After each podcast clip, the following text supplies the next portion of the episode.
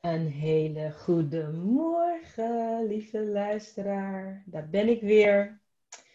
Het is een hele fijne ochtend. Het is vandaag woensdag en ik voel gewoon, vandaag wordt weer zo'n podcast dat je echt denkt, oef, die voelde ik in mijn buik.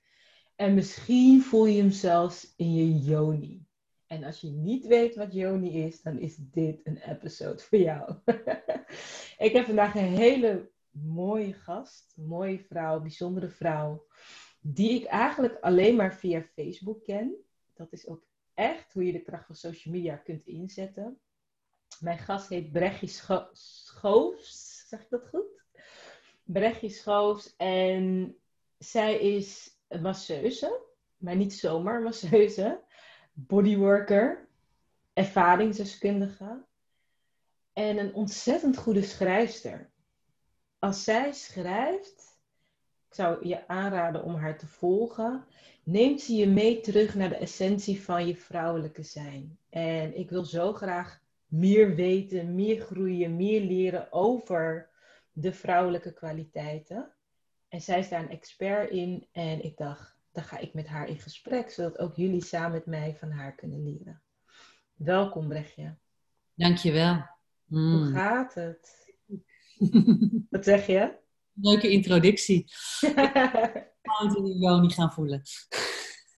ja, ik uh, denk het wel. Kan je dat herhalen? Nee, ik, ik zal proberen vanuit mijn Joni te vertellen, dan kunnen ze dat ook voelen. Oeh, hoe werkt dat vanuit je Joni vertellen? Um, Eigenlijk is dat je bekkenbodem. En je, je bekken is eigenlijk uh, als een soort schaal, een basis. Basis van iedereen. Die basisveiligheid zou je eigenlijk kunnen zeggen. En als je daar echt in geland bent, dan um, ben je uit je hoofd, ben je meer aanwezig. En voor vrouwen is het, de vrouwelijke bron zit in de baarmoeder eigenlijk. Um, en uh, het vaginakanaal. Dus de vrouwelijke seksuele organen zijn eigenlijk uh, de bron waar een vrouw, als ze daar echt in aanwezig is, is en geworteld. Uh, en kan ze meer manifesteren in het leven.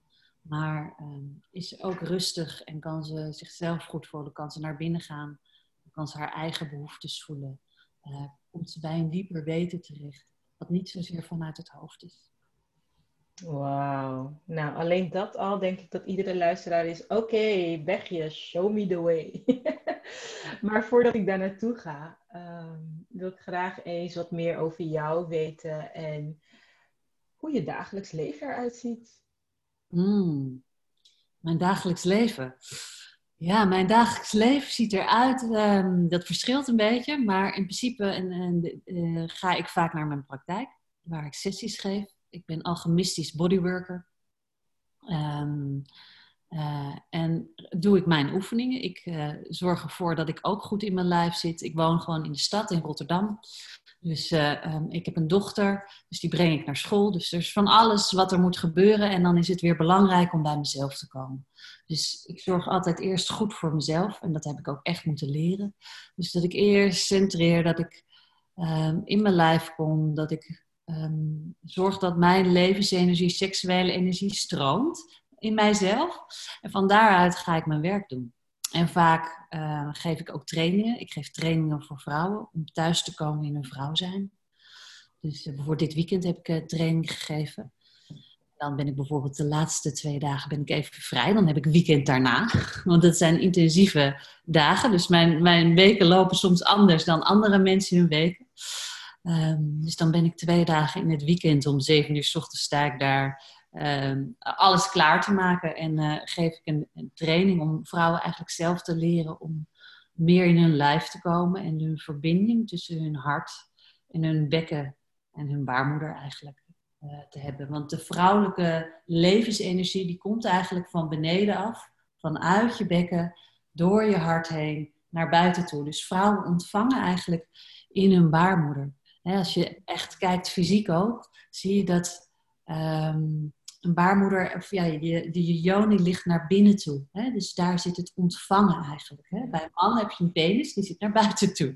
Die, die is gevend daarin. Dus wij ontvangen eigenlijk ook die aarde-energie en de levensenergie van beneden af. En van daaruit geven we het uit ons hart. En veel vrouwen die zijn ontvangen, vinden de meeste vrouwen vinden dat lastig. Dus de, oh ja, zeker die geven vanuit hun hart. Dus veel vrouwen die geven heel veel, maar die missen dan eigenlijk die wortels. En eigenlijk die basis, zou je ze kunnen zeggen, in hun bekken, waar ze elke keer naar terug kunnen gaan om te herbronnen en weer op te laden.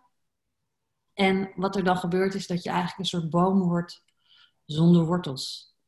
En ja. Oh, mooi dat je boom gebruikt. Ik, ik gebruik heel. Ja. Dat is een mooie metafoor. Dan heb je eigenlijk geen basis, of het is alsof je een huis zonder fundering bouwt. Dus je hebt die basis nodig om eigenlijk een stevig, stevig in het leven te kunnen staan en ook de druk van het leven aan te kunnen.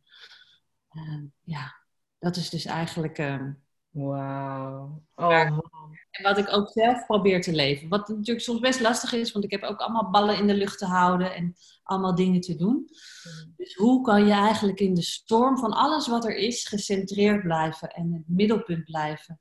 En, uh, steeds dieper in jezelf zinken, zodat je de druk van het leven eigenlijk makkelijker aan kan. Ja. ja, mooi. Dat is ook echt precies waar ontspannen succesvol voor mij voor staat. Omdat die spanning, als je dat zeg maar van, ja, ik weet niet hoe ik dat moet noemen, maar je hebt een bepaalde, hè, die oorkracht zeg maar, daar kan je makkelijk die spanning mee aan. Maar als je dus niet geworteld bent, zoals jij dat zegt, dan wordt de spanning al snel te veel, omdat je niet je volledige kracht gebruikt of zo. En jij geeft daar meer woorden aan, voor mij in ieder geval, waar die kracht dan over gaat. Ik, ik bekijk het vaak vanuit een, een spiritueel, zoals ik dan opgevoed ben in spiritualiteit, van vanuit je goddelijke kracht kan je alles aan. Dan, dan, dan ben je groter of, of vollediger dan alleen maar je lichaam. En wat ik mooi vind bij jou, is dat jij dus ook laat zien dat ontzettend veel kracht zit in je lichaam. En, hmm. en dat, dat, brengt het dichterbij of zo. Dus ik ben heel benieuwd naar heel veel dingen. Maar allereerst, um, ik ben opgevoed in, ik ben opgegroeid in Rotterdam. Ehm, je gaat naar school, je moet je best doen, je moet goede rapportcijfers halen.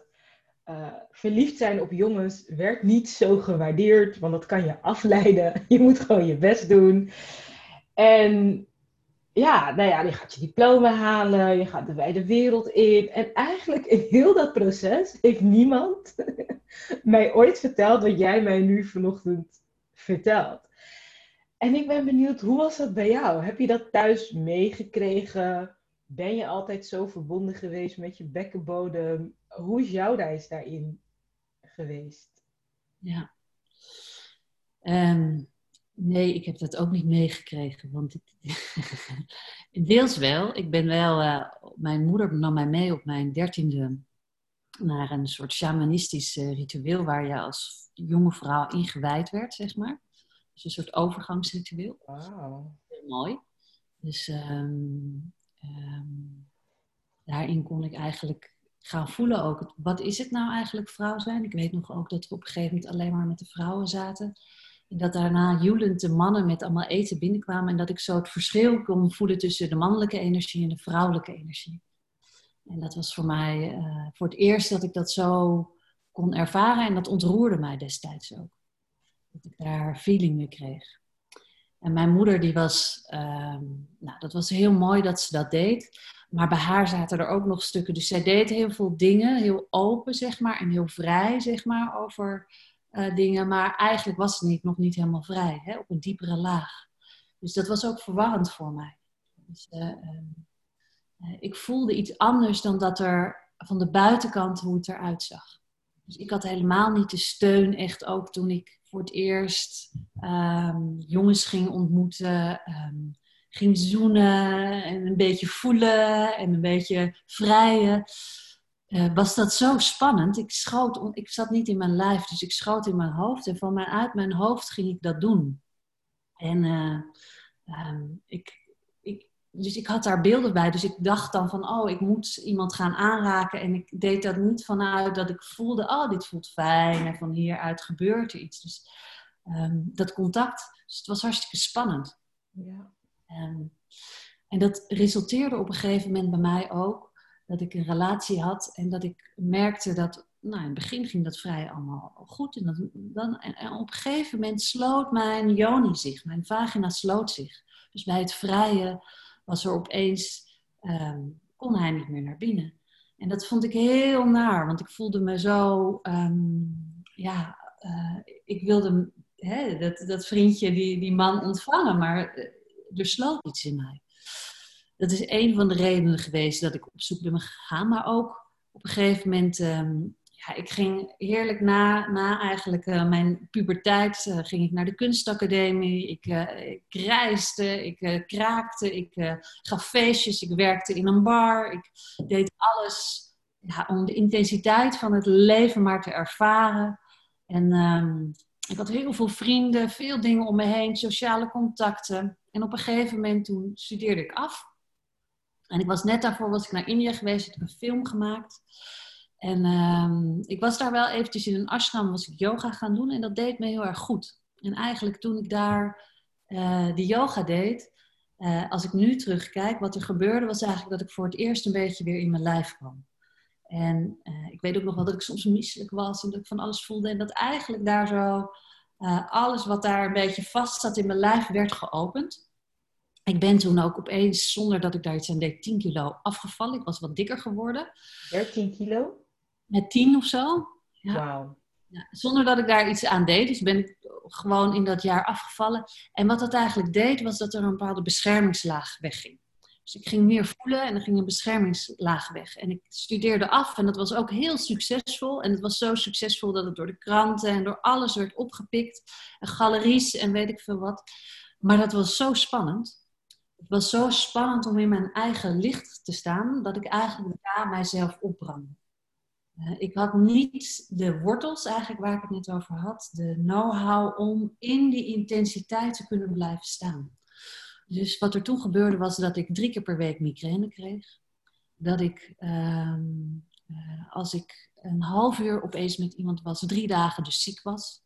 Uh, dat ik opeens aan het stofzuigen was en dat ik huilend op, op de grond viel omdat het te veel was.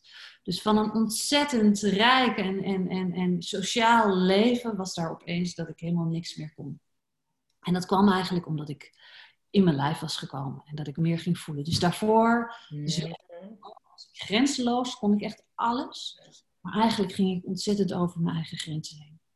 En ik had eigenlijk geen idee echt naar binnen. Dus ik was heel erg aan de buitenkant aan het leven. En ik leefde ook eigenlijk uh, wat mijn moeder wilde, bij wijze van spreken. Ik had me heel erg afgezet tegen mijn moeder, dus ik zag haar ook niet zoveel en ik was boos op haar en weet ik veel wat allemaal. Maar um, eigenlijk uh, leefde ik heel erg nog in de systemen en de patronen van mijn ouders. En wat ik, zonder dat ik me daar bewust van was, hè, deed ik dus heel veel zoals zij dat gedaan hadden. Want dat, zo was het mij voorgeleefd. Ja, zo hoort het toch? Ja, dus um, maar ja, toen kreeg ik dus drie keer per week migraine. Dus toen had ik wel te voelen in mezelf. En toen ben ik bij een haptonoom terechtgekomen. Ben ik familieopstelling gaan doen. En die haptonoom die zei op een gegeven moment tegen mij van... Nou, hier heb ik eh, een, eh, een flyer voor je voor bekkenbodemdans. En dat is jouw thema, dus ga dat maar doen. dat is jouw thema? Wat dacht je? dat zal wel. Uh, maar je bekkenbodem, die basis, dat gaat over die veiligheid in jezelf. En eigenlijk zou je kunnen zeggen dat ik uh, mezelf wat opgeblazen had. Ik had me groter gemaakt dan ik was. En eigenlijk zat onder die, het opgeblazen en dat hele jange en het vooruitstuwende kracht en van alles in de wereld zetten, zat een hele grote onveiligheid. dus er zat geen goede basis eigenlijk onder. En uh, oh ja, opeens klapte dat dus uit elkaar. Ja. Had ik dus naar binnen te gaan en te gaan voelen en ook in mijn eigen onveiligheid te voelen. En eigenlijk ben ik de eerste tien jaar bezig geweest met mijn eigen geboorte. Ik ben geboren met een zuignap. En uh, je zou kunnen zeggen, ook in je joni, zeg maar. Hè? Dat is je basisveiligheid. Dus ook hoe je geboren bent of hoe je gevangen bent in de wereld, zit daar ook. Hè? Dus in je seksuele organen gaat niet alleen over seks hebben, maar daar zit ook de veiligheid. Daar zitten ook dingen op die we niet hebben kunnen voelen. De, de, de baarmoeder is ook een, een, een orgaan wat open is, zeg maar. En dus sla, slaat daar makkelijk dingen op. Oude angsten, zelfs van onze voorouders. Oude dingen die we niet hebben kunnen voelen. Die gaan over eigenlijk de eerste chakra. En het eerste chakra gaat eigenlijk over veiligheid, je goed voelen, um, leven, het leven toelaten eigenlijk. Mooi. Energie. Dat, dat, dat denken we meteen dat dat over seks gaat, maar eigenlijk gaat het over het leven. En kan je het leven helemaal toelaten. Dus eigenlijk zou je kunnen zeggen dat als wij ehm, het leven niet helemaal toelaten, dat dat de spanning is. Dus dat waar spanning in ons lijf zit, eigenlijk zijn we ergens verkrampt. Dus wat er vaak gebeurt, als er iets gebeurt in ons leven wat ehm, ja, overweldigend was. Dus voor mij bijvoorbeeld als babytje dat ik met zo'n zuignap van een hele gesloten ruimte van mijn moeders vagina en de baarmoeder opeens in een oneindige ruimte veel te snel kwam, was zo overweldigend. Dat dat ergens kon ik dat als baby niet verwerken. Mijn moeder was op dat moment ook niet helemaal aanwezig, want het was voor haar ook veel, heel begrijpelijk. En uh, daardoor heeft dat ergens in mijn lijf, heeft als een soort van, hè, die, die soort archief is dat, en die heeft dat opgeslagen. En eigenlijk dit dan een stukje van jouw vitaliteit, van jouw levensenergie waardoor er spanning ontstaat. Dus spanning en stress is eigenlijk allemaal ja, trauma en eigenlijk bevroren levensenergie. Oh, maar ik ben zo dankbaar dat wij dit gesprek voeren. Omdat voor mij is het soms, eerlijk gezegd, wel uitdagend.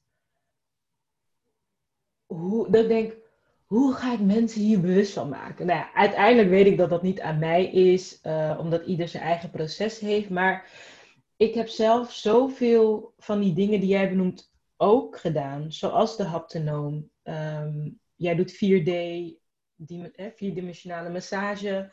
Heb ik ook jarenlang gehad. Ik heb zoveel gedaan inderdaad om die onveiligheid uh, de hart-bekkenverbinding. Nou, bij mij was het überhaupt hoofd-hart. Like hart-bekken is next level. maar van hoofd naar hart en dan nog meer van hart naar Dus er is zoveel wat zeg maar onder de oppervlakte gebeurt, waar we niet per se echt dagelijks mee um, aan tentoongesteld worden. Dus het is maar dat het leven je wakker schudt. Stress en spanning en buikpijn en hoofdpijn en dat soort signalen maakt dat we uh, wake-up call krijgen. Maar nu wij dit gesprek voeren, merk ik echt een soort van innerlijke rust en blijdschap van het is zo belangrijk dat we dit gesprek voeren.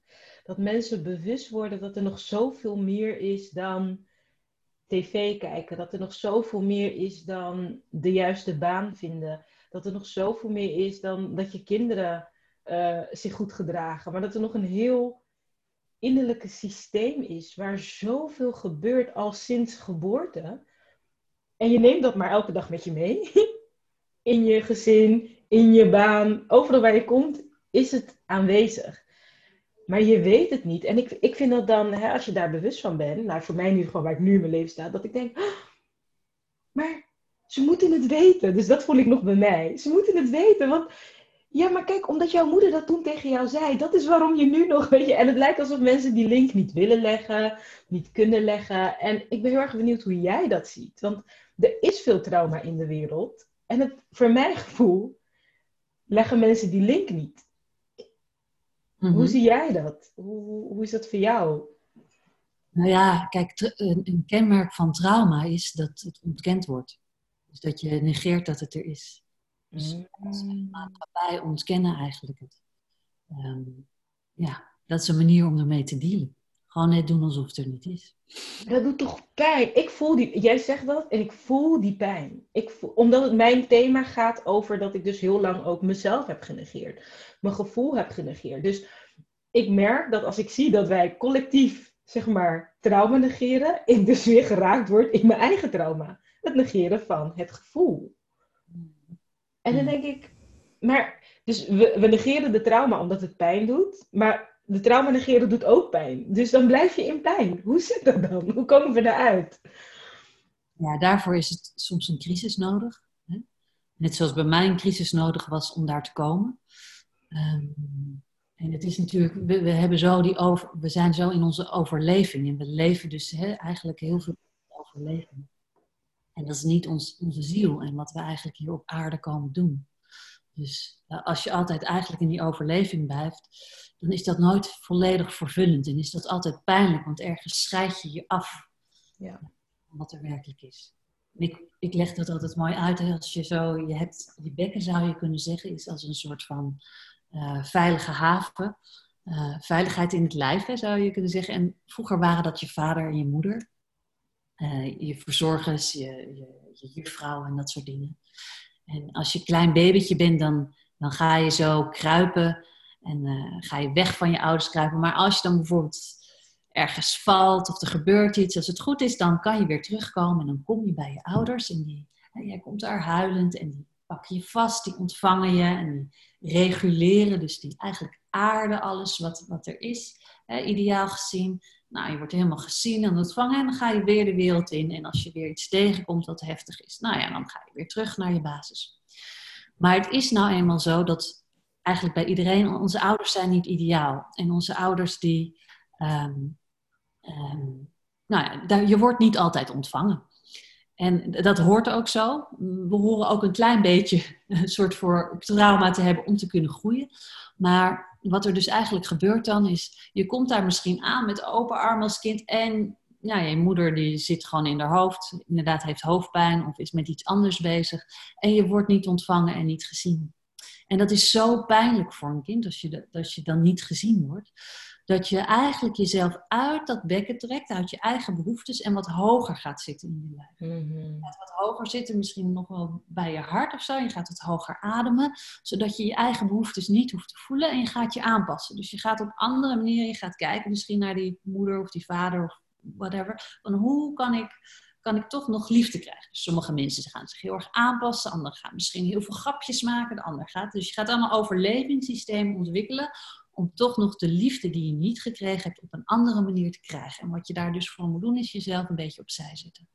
dus je leert daar eigenlijk nee, niet meer naar je eigen behoeftes en naar jezelf te luisteren. En daardoor vertrek je uit je bekken, je buik en ga je hoger leven in je lijf. En vaak worden we ook nog eens door school en alles zo mentaal en gaan we zo in ons hoofd leven.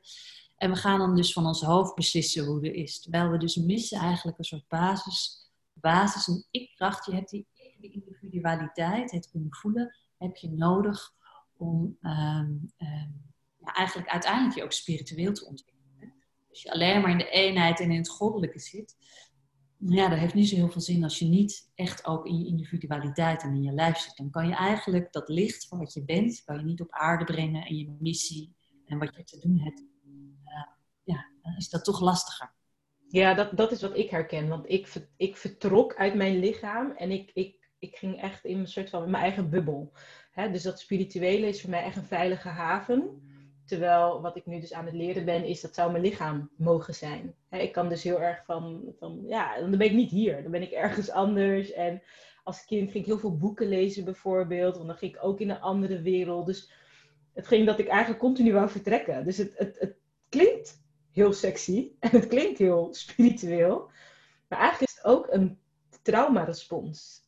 En dat vond ik best confronterend om achter te komen. Van, oh, spiriwiri is niet per se gewoon lekker gezond, weet je wel. Ehm, en ik denk dat heel veel mensen enigszins wel, uh, vooral mensen die luisteren naar mijn podcast, wel echt bewust zijn van, oké, er zitten wat trauma's. I know. Um, ik heb wat cursussen gedaan. Ik heb drie dingetjes geheeld, om maar zo te zeggen. Ben ik nu klaar? Is het nu af? En ik ben heel erg benieuwd hoe jij daarnaar kijkt. Van, is dat ooit klaar? Is dat af? Of is dat een young aanpak? Weet je wel, checklist. Hmm.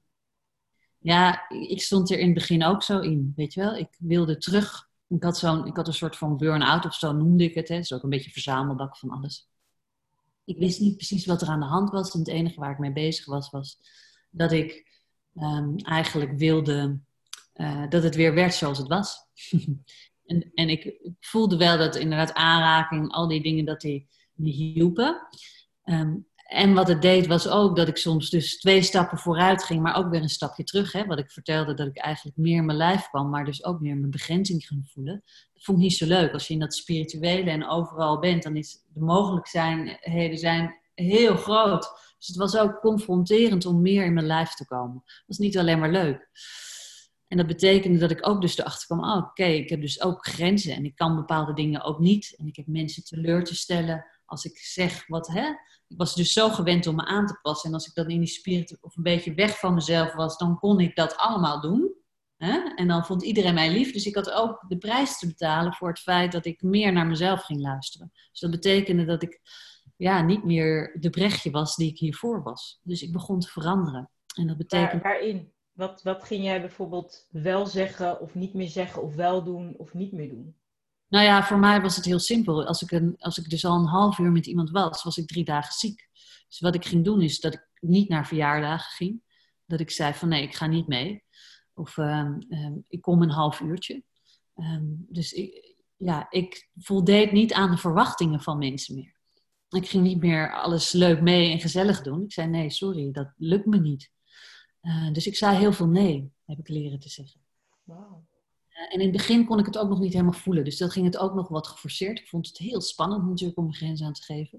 Dus ik ging kookwekkers of ja, wekkertjes zetten en dat soort dingen. En dat, dus, dat was een hele discrepantie. Dus ik, ik wilde niet weg. Ik was altijd degene die tot het laatste bij een feestje bleef. Dus ik, ik, had een ontzettende rouw ook te nemen van het feit dat ik dan niet tot het einde en dat ik het gevoel had dat ik van alles miste en dat ik niet meer mee kon doen eigenlijk. Hè. Ehm, en dat is natuurlijk ook autonomie. Hè? Hoor, hoor ik er nog maar wel bij. En ik, dat, is, dat is ook de reden waarom een kind, zeg maar, wel uh, helemaal um, zich aanpast. Die kan niet anders. Die is afhankelijk van die ouders. Die is afhankelijk. Die kan die autonomie. Maar als je volwassen bent, kan je wel kiezen voor jezelf. En ik moest ook mensen om me heen verzamelen op een gegeven moment die het respecteerden als ik, ja, die het waardeerden als ik mijn grenzen stelde. Ik had natuurlijk allemaal mensen om me heen die dat ook deden en die dat heel fijn vonden. Dus ik heb in die jaren ook al mijn vrienden verloren. En dat was ook eenzaam.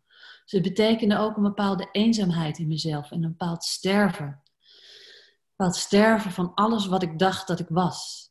Dus het was best uh, intens in die zin. Ik ging niet meer heel erg naar buiten die reis maken, maar vooral naar binnen toe.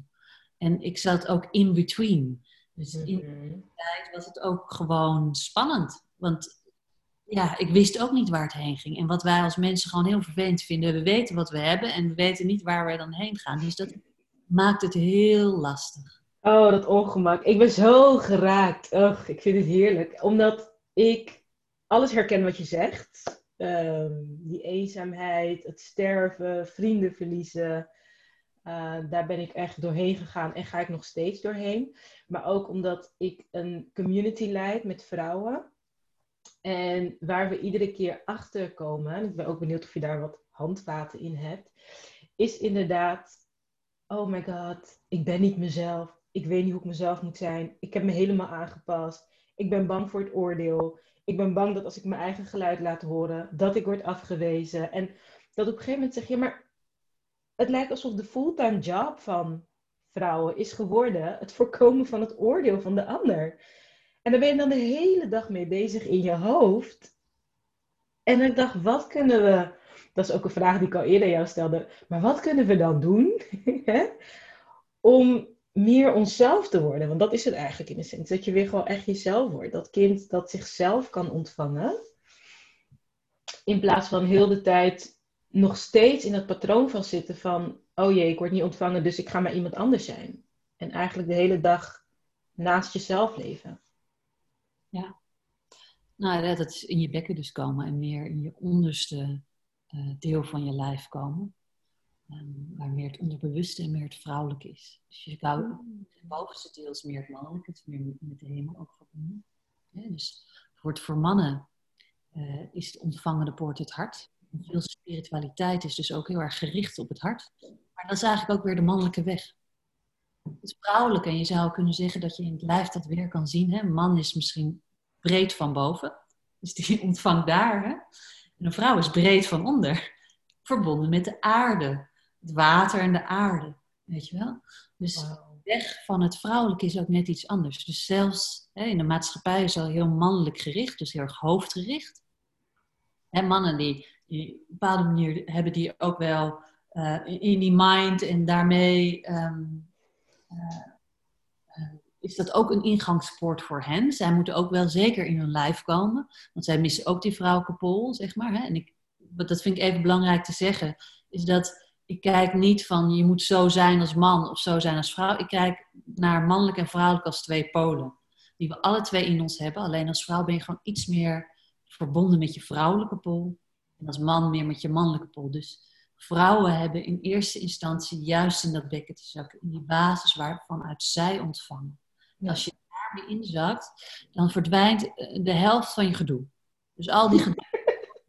gewoon. Dus dan wat we heel vaak gaan doen, is proberen al die overtuigingen naar te gaan kijken en te gaan doen. Terwijl we hebben eerst gewoon in ons lijf te komen en dan zien we daarna wel wat, wat, wat er overblijft. Dus ik zelf heb altijd dan moeite als vrouw. Soms heb je van die vrouwengroep die de hele tijd alleen maar delen en emotioneel. Dan wordt het een soort e ejaculeren, zeg maar, emotionele ejaculatie. Daar zijn vrouwen vaak verslaafd aan. Dus die ejaculeren niet zozeer. En mannen hebben dat meer echt letterlijk vanuit hun penis, maar vrouwen doen dat vanuit hun hart. Dan gaan ze de hele tijd ejaculeren en dan wordt het een emotionele ejaculatie. En, en dat kan je ook gewoon grapjes over maken. We doen dat allemaal. Ja. Maar dan even meer naar binnen te keren en, en dat te gronden. En eerst al die oude emoties en gedachten meer te aarden, waardoor eigenlijk de helft al verdwijnt. De helft van je, van je, van je moeder en je vader en je, al je gedoe. En dan voel je jezelf. Maar dit is echt goud. Want wat ik observeer, ook wel bij mezelf, is dat we eigenlijk ook stiekem verslaafd zijn aan gedoe. Ja. Want dan is het ineens rustig. En, en gisteren zei iemand nog tegen mij: Daisy, ik denk dat ik eigenlijk stiekem heel saai ben. Ik zeg: Oh, I love saai. Want in die boredom gaat het borrelen. Ik zeg: Wanneer ik gewoon denk: ik, ik hoef eigenlijk niet meer zoveel in mijn leven. Maar ik vroeg er echt naar. Ik heb om mijn 23ste heb ik in Abu Dhabi gewoond. Eigen bedrijf. Ik wil dit, ik wil dat. Rennen, rennen, rennen. Op een gegeven moment dacht ik, weet je wat ik wil? Ik wil thuis zijn. Ik wil een beetje koken. Ik wil een beetje stofzagen. Ik wil een beetje met mijn kinderen knuffelen. En ik schaam me daarvoor. Ik schaam me dat ik niet meer zoveel wil. Daar moet ik echt aan wennen. Dat is die sterven wat je zei. Want die drukke, ambitieuze vrouw die de wereld wil veroveren. Die is er eigenlijk niet meer. Ik wil gewoon rust in mijn leven. En iets in mij zegt, ja, maar dat kan niet. Dat is echt lui. Want je moet toch gedoe hebben. En ik denk, ja, maar dat is een verslaving aan gedoe. Hmm. Toch? Ja, nee, we zijn heel vaak verslaafd er ook aan. En het is ook de adrenaline kicks, zodat we nog een gevoel krijgen dat we leven. En dat is niet echt leven. Dat is gewoon een, een, een vervorming ervan. Dus je gaat hele uh, extremere dingen, je moet extremere seks, je moet extremere uh, gevoel van wow, dit gebeurt me, zodat je nog enigszins gevoel hebt. Dus eigenlijk komt dat ook van een afgeslotenheid. Uh, Hoe kan dat anders? Want ik zie dit, wat jij benoemt, oh, ik ben zo blij. Dit is een antwoord op twee podcasts geleden van mij. Ik ben altijd heel erg open over waar ik in onderzoek, zeg maar. En ik had twee podcasts geleden een podcast overgenomen waar ik zei, ik heb ook niet het antwoord. Maar ik, heb, ik merk een soort kramp, zo'n gevoel bij heel veel um, law of attraction mensen. Hè? Dat gaat heel erg, ik heb The Secret heeft mijn leven veranderd. The Secret heeft me wel echt uit, uit veel gedoe gehaald. Maar dat was heel erg, je moet positief denken en je moet hoog in je energie zijn. En ik moet continu muziek opzetten en positief. En ik werd moe daarvan. ik dacht, ik word er niet echt gelukkiger van. En ik dacht, ja, ik, ik merk dat ik daar niet over uit ben. Van wat is dan echt, echt positieve energie? Wat is dan echt levensenergie? Want dat voelt opgewekt nep, om maar zo te zeggen. En vermoeiend en draining. Terwijl het zou toch zogenaamd de manier zijn naar als ik maar positief denk, dan komt alles op mijn pad. Maar ja, ik raakte overspannen erdoor, eerlijk gezegd. En het is dus nu echt een open vraag. Maar in wat jij net zei, krijg ik wel het gevoel van, oh wacht, het kan dus anders. Er is een ander soort leven, een ander soort excitement, een ander soort echt gevoel van ik leef. En waar zit dat dan? En hoe komen we daar dan? Nou ja, dat, dat, zegt wel, ik ben helemaal niet voor positief denken in die zin. Want als je positief denkt, moet er ook weer negatief komen. Zeg maar, weet je? Dan kom je in die dualiteit eigenlijk terecht. Je kan ook in het midden komen. Waar beide polen met elkaar verbindt in het midden. Dat is een meer neutrale, rustigere kracht die eigenlijk daarachter zit.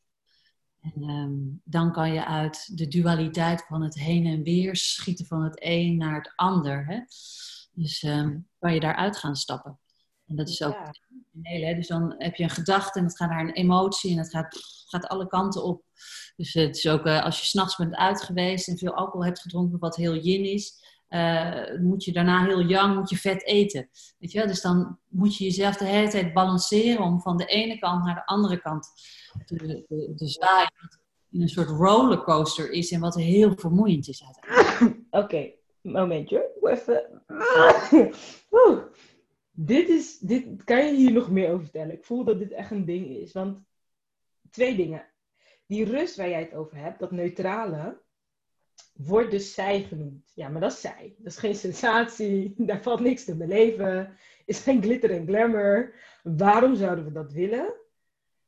Dat is mijn eerste vraag. En die tweede is, oh, wacht even. Kan je nog meer voorbeelden geven over hoe we dus eigenlijk continu aan het balanceren zijn? Het, van de yin naar de yang. Want dat, dat vermoeit ons. Raken we uitgeput. We komen niet echt vooruit, volgens mij.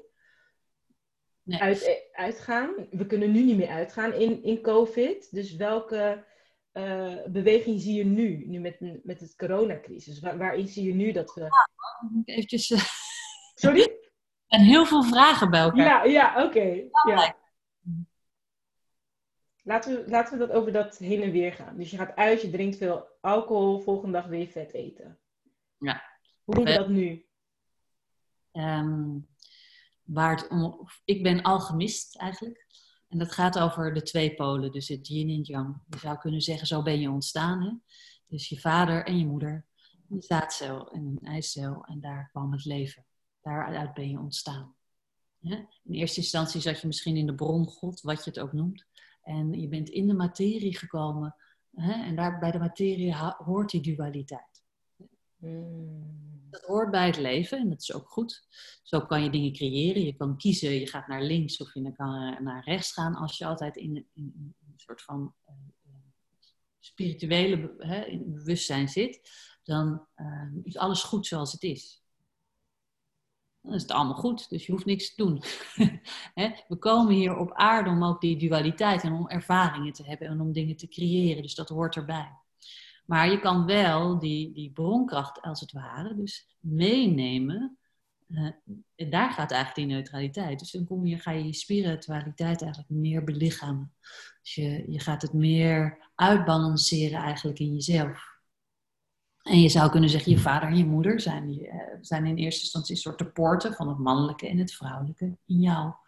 En als je dat meer kan ontvangen in jezelf, dan komt er een stroom eigenlijk waardoor je gedragen wordt. Waardoor het je eigenlijk meer naar achter leunt en meer in een bedding komt en meer in een groter geheel waardoor je gedragen wordt. Wat je op een bepaalde manier ook een spiritueel gevoel geeft, maar meer in het hier en nu. Waarin je niet probeert te ontwijken om slechte dingen te voelen, dat hoort ook bij het leven. Maar je neemt ze en je beweegt er doorheen, zeg maar. Je, je je uh, voelt ze en je komt weer in je midden. Dus je, hè, dus je gaat even uit je midden, maar je haalt jezelf weer naar je midden. En dat is ook in je lijf komen eigenlijk. Dus wat ik veel mee werk is ook het centreren en in je midden komen. Dus er gebeurt iets, maar je aardt het eigenlijk. Je brengt het aarde, waardoor het... Hè, en het gaat dus niet over positief of negatief dat is het leven, dat hoort bij het leven. Je accepteert dat dat soort dingen gebeuren. dat is hetzelfde als dieren dat doen. Leven, dood, leven. Het hoort erbij. En we zijn zo bang voor die dood.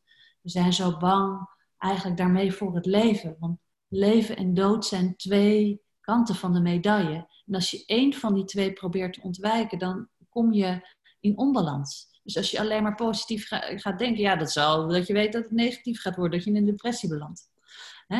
Dus wil je daaruit blijven, dan heb je die beweging hè, niet totaal op eentje te focussen, maar ze beide gewoon te accepteren. En dat doen dieren bijvoorbeeld ook. Weet je, leven, dood, leven. De cyclus van, van het leven. Het hoort er allemaal bij. En ook nu met corona. Ehm, we willen allemaal niet dat. we, willen, we zijn zo bang voor dat virus en we zijn zo bang daarvoor we willen daar niet aan. Dus we gaan alles controle hebben en alles proberen te doen. En we gaan eigenlijk heel onnatuurlijke dingen doen, die misschien nog veel meer schade op lange termijn en grotere termijn hebben. Omdat we eigenlijk proberen in te grijpen in een natuurlijk proces, zeg maar. Dus het gaat over dat natuurlijke proces eigenlijk in jezelf toe te laten. Alleen dat jij zelf stabieler bent in jezelf om daar gewoon bij te zijn. Aanwezigheid.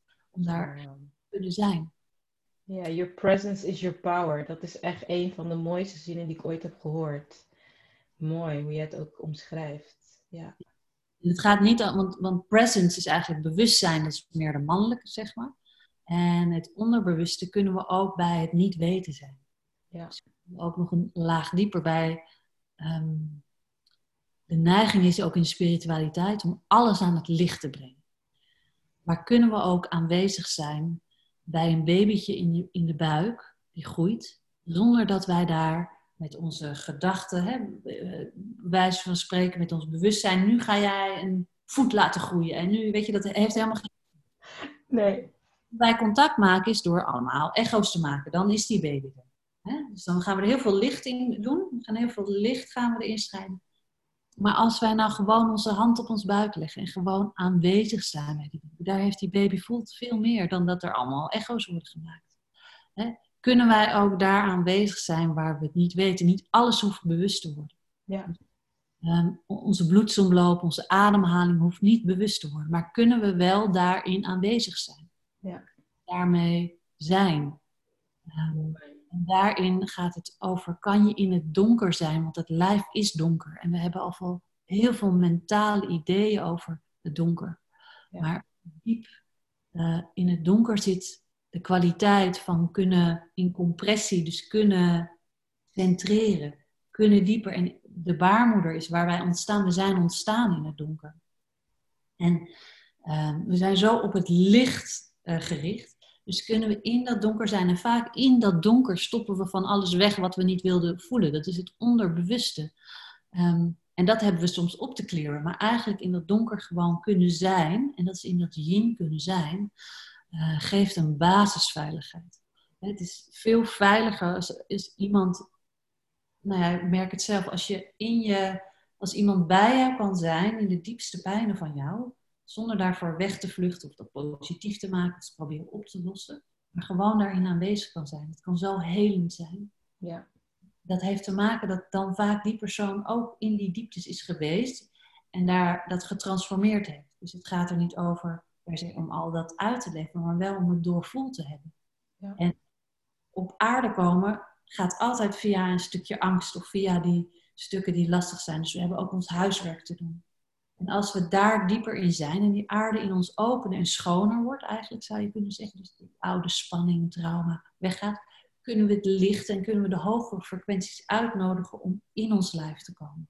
En dan kunnen we het belichamen, hè, die, waar veel ook met corona in de spirituele 5D of dat soort dingen, dan wordt het niet ergens waar je heen moet, maar dan ga je het hier op aarde doen en dan ben je bij de groenteboer kan je die frequentie zijn. En ook in de IKEA of waar je ook bent.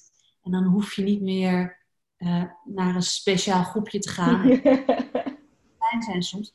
Maar dan vinden we het fijn om bij je aanwezig te zijn. En dan is er een, een, een en dat is die yin-revolutie. Van binnenuit komt er een verandering. Hè?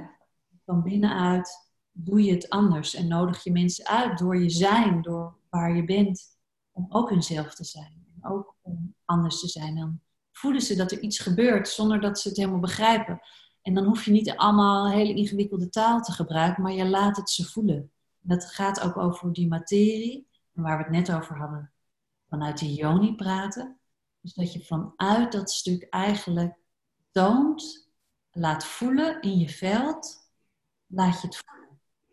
Oh, dit is zo waardevol om ehm, de woorden aan te geven. Omdat het dat niet weten gaat over durven omgaan met ongemak, durven omgaan met gevoelens die niet als prettig worden gelabeld. En voor mij, ik noem dat altijd, ik noem dat instant magic. Het, het is gewoon wat er is, in het moment. Dat, dat, dat, dat kan je niet bedenken, dat kan je niet afdwingen. En ik denk dat wat jij nu benoemt ook wel een mooie boodschap is voor de feestdagen, wat nu anders is. En ik denk het mooiste cadeau die we onder de kerstboom kunnen leggen, is er echt zijn. Uh, contact maken, dat um, is jouw thema, heb ik gelezen. En ik denk dat nu met corona we ook echt worden geconfronteerd met eigenlijk de behoefte aan contact. Echt contact. En misschien kan je ter afsluiting nog met de luisteraar delen.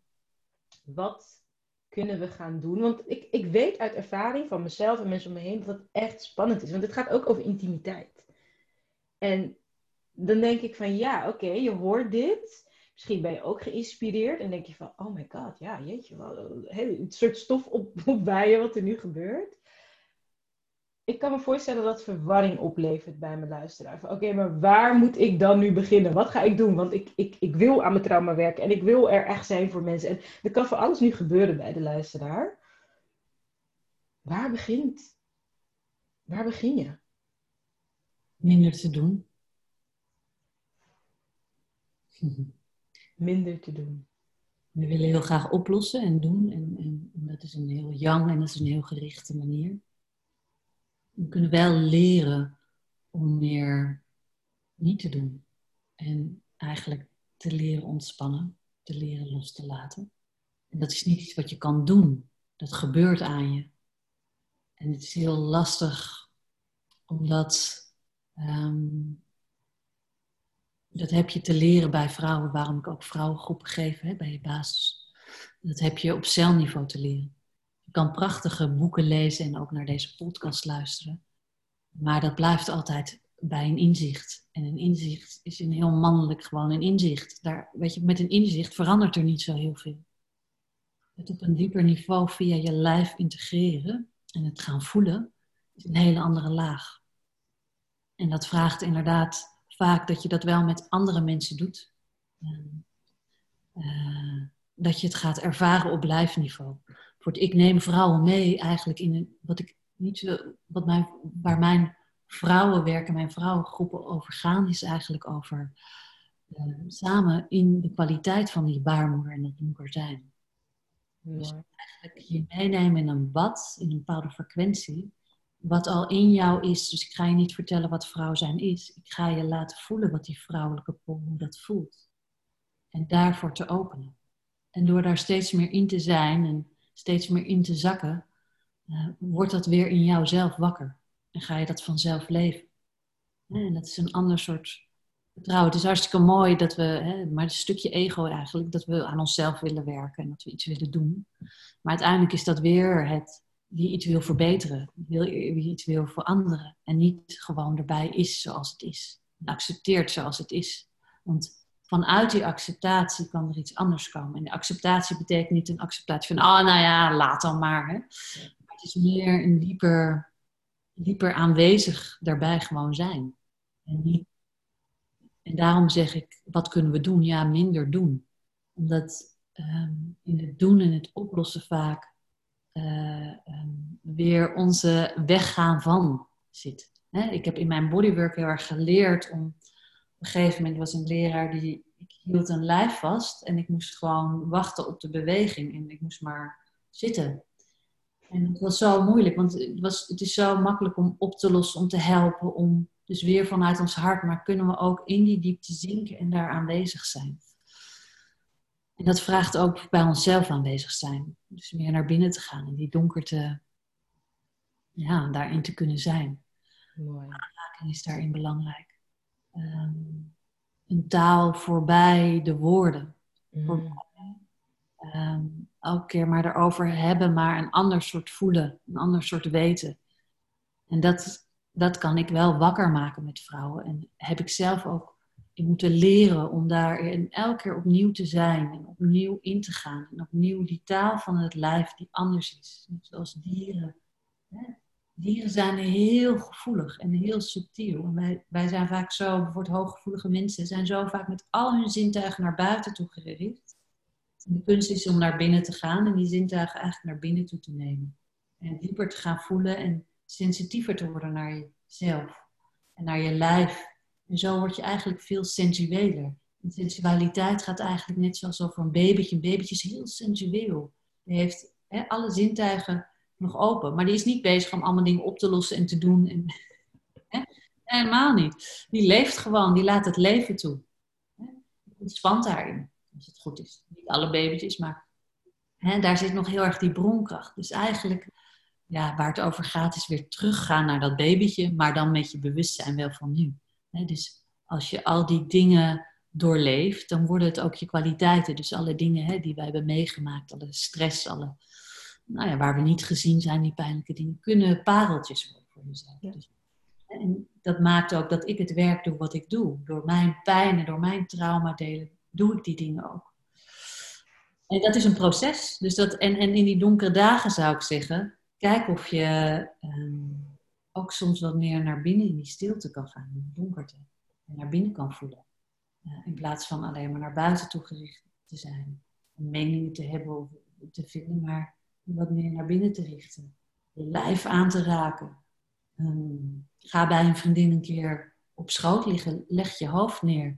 En vraag of je eventjes zonder praten eventjes gewoon mag liggen en kijk eens hoe is het voor jou om bij een vriendin, bij een vrouw jezelf over te geven en even niks te hoeven. Durf je je lijf helemaal te laten zinken en via haar lijf eigenlijk te laten afvoeren.